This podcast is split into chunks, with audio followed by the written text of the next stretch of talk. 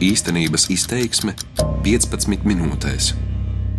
Šodien 60. jubileju svin Latvijas televīzijas panorāma, ilgmūžīgākais televīzijas ziņu raidījums Latvijā, saukts arī par mēdīju ikonu, ikvakara rituālu un latviešu vakariņām kādi bijuši pieci būtiskākie pagrieziena punkti leģendārā raidījuma vēsturē, kas ietekmējuši visu mēdīju telpu un arī sabiedrību.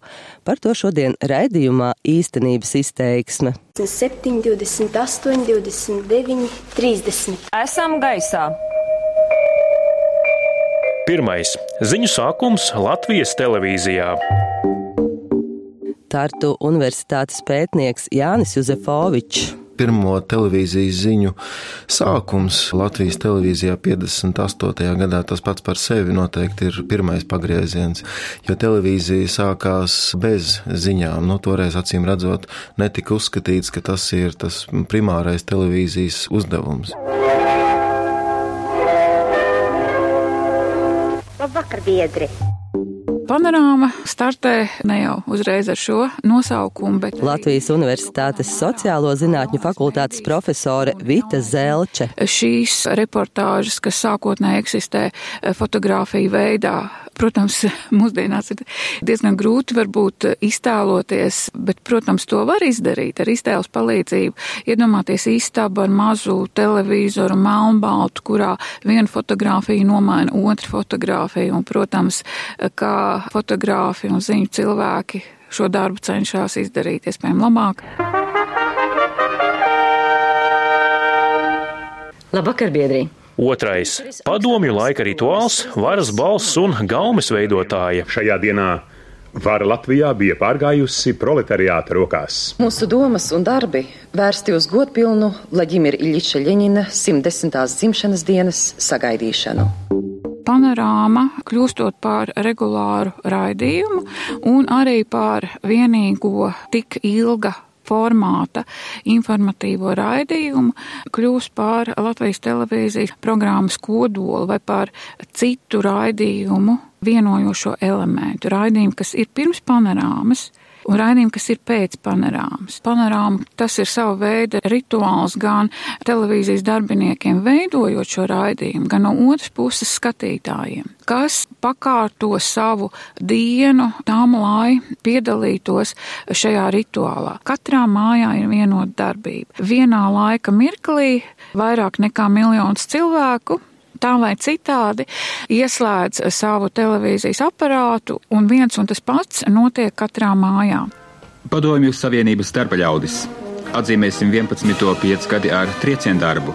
Savienotās valstis cenšas novērst tikšanās dalībnieku uzmanību no ekonomiskajām problēmām, kas tagad plos kapitalistisko pasauli tas ir rituāls. Atceros arī no savas bērnības. Jā. Rīgas Stradiņa universitātes profesors, mediju eksperts Sergejs Kruks. Pusdeviņos, kas sākās panorāma, tad eh, ir uz to kanālu televizors ieslēgts un skan šī pazīstama mūzika, Deisona un Gerdas Sinkevičas balsis.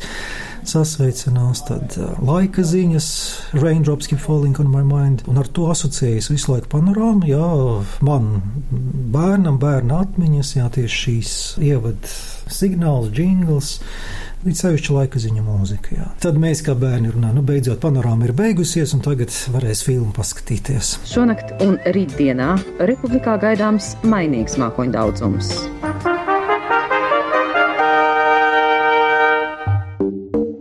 Protams, padomu periodā mēs nevaram noliekt, ka panorāma ir ļoti kontrolēts mēdījis, kurā tā vai cita žurnālista un diktora darbība ir pakļauta noteiktiem stingriem, ļoti stingriem priekšrakstiem. Bet arī neraugoties uz to, es gribētu uzsvērt valodas aspektu, un es arī gribētu uzsvērt to, ka televīzija arī formē gaumi, modi, arī ne tikai tādas lielas vērtības, bet arī varbūt tādas sava veida ikdienišķās vērtības, kas arī nozīmētu laba valoda, gaumīgs apģērbs, gaumīga frizūra, gaumīga uzvedība, vai mēs vai šobrīd varētu teikt tāda klasiska uzvedība, jo arī dažkārt tādā praktiskā darbībā intervējot vecāks paudzes cilvēks var just vai saskatīt to, ka ļoti daudzus viņu priekšstats un uzvedības veidi nāk vai tiek atzīti par pareiziem no šiem televīzijas zelta laikmeta, kad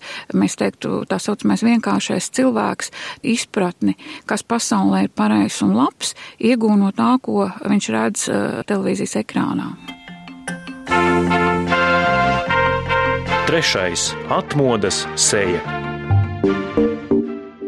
Protams, ka šis ļoti skaistais laiks, barikāžu laiks un cīņa un, un arī šīs īpašās epizodes ar Omona iebrukumiem rada atmodas atbalstītājos šo izteikto piederības sajūtu, jo es domāju, ka ļoti daudzi eh, cilvēki pie ekrāniem ļoti līdzīvoja Maltāju Puriņai un visam tam, kas notiek ar televīziju.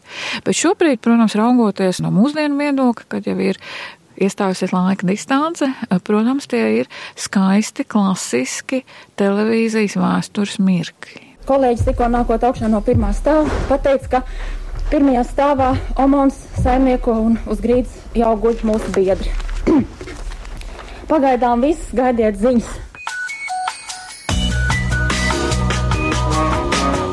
No šodienas skatu punkta raugoties, īsti nevar runāt par žurnālistiku tajā laikā, bet tas attiecās ne tikai uz panorāmu un televīziju, bet arī uz radio un citiem mēdījiem. Ja?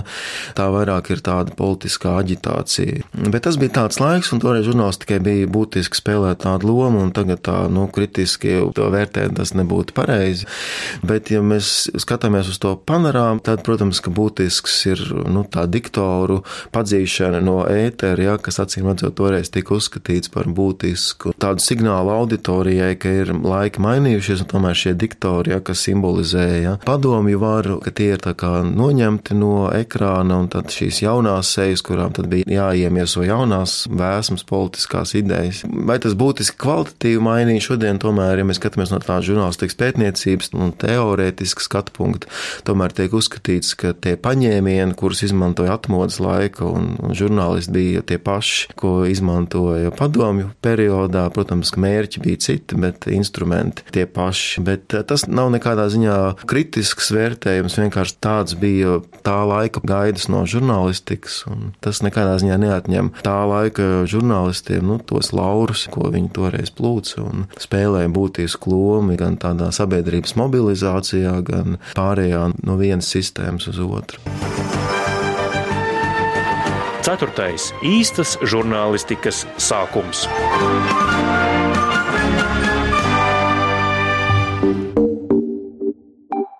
Tas bija aptuveni 2003, 2004, 2005 gads. Panorāmas vadītājs bija Gunārs Rēders, kurš arī izvērsa diezgan plašas reformas. Un, nu, es to no savas pieredzes arī varu pateikt. Es daudz maz regulāri rakstīju kaut kādas kritikas arī, un pēkšņi es pamanīju, ka es pārstāju panorāmu kritizēt. Bet, ja nopietni, tad tas ir tāds pavisam normāls Latvijas televīzijas izrāviens laikā un telpā pavisam praktiski. Tagad ik viens panorāma redz, varēs redzēt nevien šeit Latvijā, bet jebkur pasaulē, kur viņam mājās ir dators. Tad otrais, kas tur noticis, premjerministrs bija Repše. Un Repše, ja jūs atceraties, uzvedās nu, diezgan interesantā, sulīgi kameras priekšā. Teiksim, viņš izkāpa no mašīnas un ar kāju aizcert mašīnas durvis vai brauc uz ministru kabinetu ar motociklu, ādas jakā.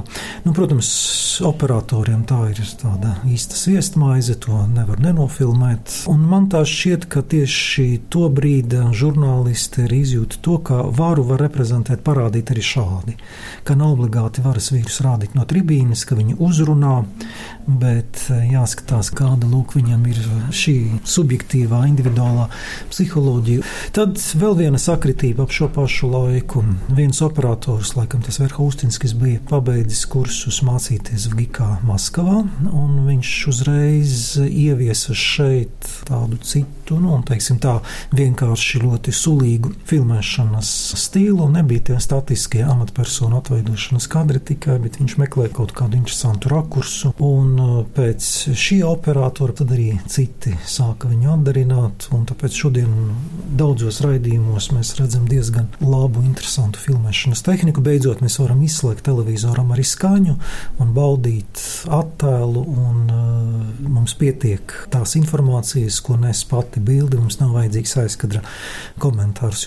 Tikko dzimušā Gabriela māma atzīst, ka prieku par mazulu daudzām ģimenēm mazina finansiālā un sociālā nedrošība. Lai būtu vēl viens brālis, lai būtu vecākais un jaunākais.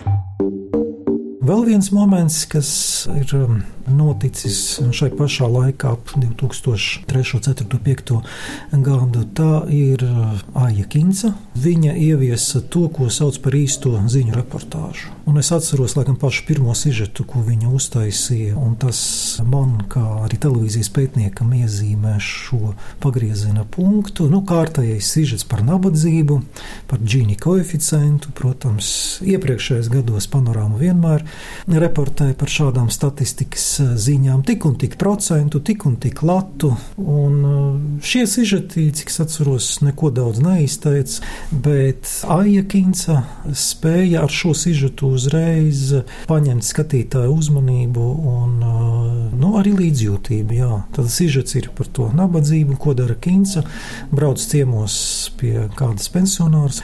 Un uh, pirmie vārdi, kas ir, nu, skatīsimies, kas jums tur leduskapī ir. Izpēta leduskapu, o, jums te piecas ir pudeles ar saules puķeļu. Nu, jā, Rīmi veikalā bija tā atlaide 20 centīmi, tāpēc nopirku veselas piecas. Un tad uzreiz, redz, no tiem 20 centīmiem viņa vienā iepirkšanas reizē ietaupīja kaut kur uz pusgadu varbūt vienu Latu tas skatītājiem, tas man personīgi daudz, daudz vairāk pateica mm, par šo nabadzības līmeni nekā statistikas dati.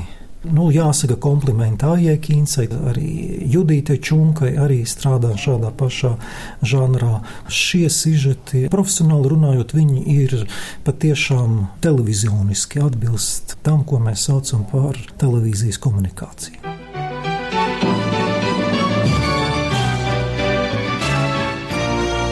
Piektais - vadošās lomas laikmeta beigas. Man šķiet, ka ļoti būtisks posms ir šī gadsimta pirmās desmitgades otrā puse. Tas ir laika, kad sakrita divas būtiskas lietas. Tas notika paralēli. Ja? Vispirms noteikti jāatzīmē, ka 2007.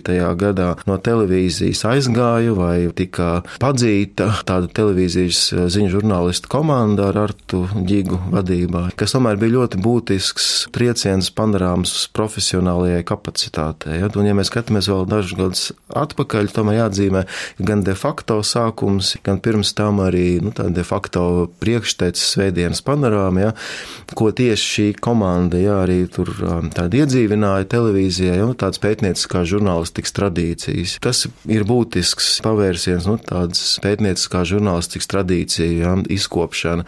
Un tad šīs komandas aiziešana prom no televīzijas 2007. gadā jau ir būtisks kritiens atpakaļ attīstībā attīstībā. Un vienlaikus tas ir arī laiks, kad, ja mēs skatāmies uz televīzijas reitingiem, notiek pirmo reizi tas, kas droši vien 90. gados nevienam nelikās iespējams un reāls. Panorāma pirmo reizi zaudē savas līderu pozīcijas un vairs nav skatītākais vakara televīzijas ziņu raidījums latviešu valodā. Ja. Tur no sākuma ir tāda sīvāka tā konkurence, dažus brīžus ja, starp LNT ziņām, TV3 ziņām un panorāmu. Dažs brīdis mazāk sīvāk, bet nu, fakts ir tāds, ja, ka tas ir tas laiks, kad panorāma zaudē tās savas līderu pozīcijas. Jo mainās kopējā mēdīju vide, sevi būtiski ziņu mēdīju vidē piesaka TV3 ziņas, ja, kas līdz tam bija tāds diezgan nu, margināls spēlētājs. Kopumā mainās ziņu mēdīju lietošanas paradumi, tehnoloģija attīstība. Tā kā tur ir tāds liels tāds miksls, ja, ārējo, iekšējo faktoru. Protams, tagad ir pagājuši desmit gadi, un mēs varam diezgan pārliecinoši teikt, ka panorāma ir ir atguvusies no tā kritiena, jā, varbūt arī ir labi, ka ir notikusi kaut kāda paudžu maiņa. Un šodien man šķiet, ka panorāma lielā mērā ir atguvusi tādu stabilu vietu, bet, protams, ka nu, tā mediju telpa ir pilnīgi atšķirīga un konkurence ir liela un, un, un būtu arī diezgan nesaprātīgi sagaidīt no viena ziņu raidījuma, lai viņi diktētu kaut kādu toni tajā kopējā ziņu mēdīju telpā. Jā. Esiet sveicināti panorāmas laikā un turpmākajā pusstundā plašāk par šādiem tematiem. Šodien aprit tieši 60 gadu kopš Latvijas skatītāju uzrunā panorāma. Raidījumā īstenības izteiksmi par zīmīgākajiem pagriezieniem panorāmas vēsturē stāstīja mediju eksperti Vita Zelče, Sergejs Kruks un Jānis Uzefovičs. Raidījumu veidoja Justīna Savicka, Baiba Kušķa un Renārs Šteimanis.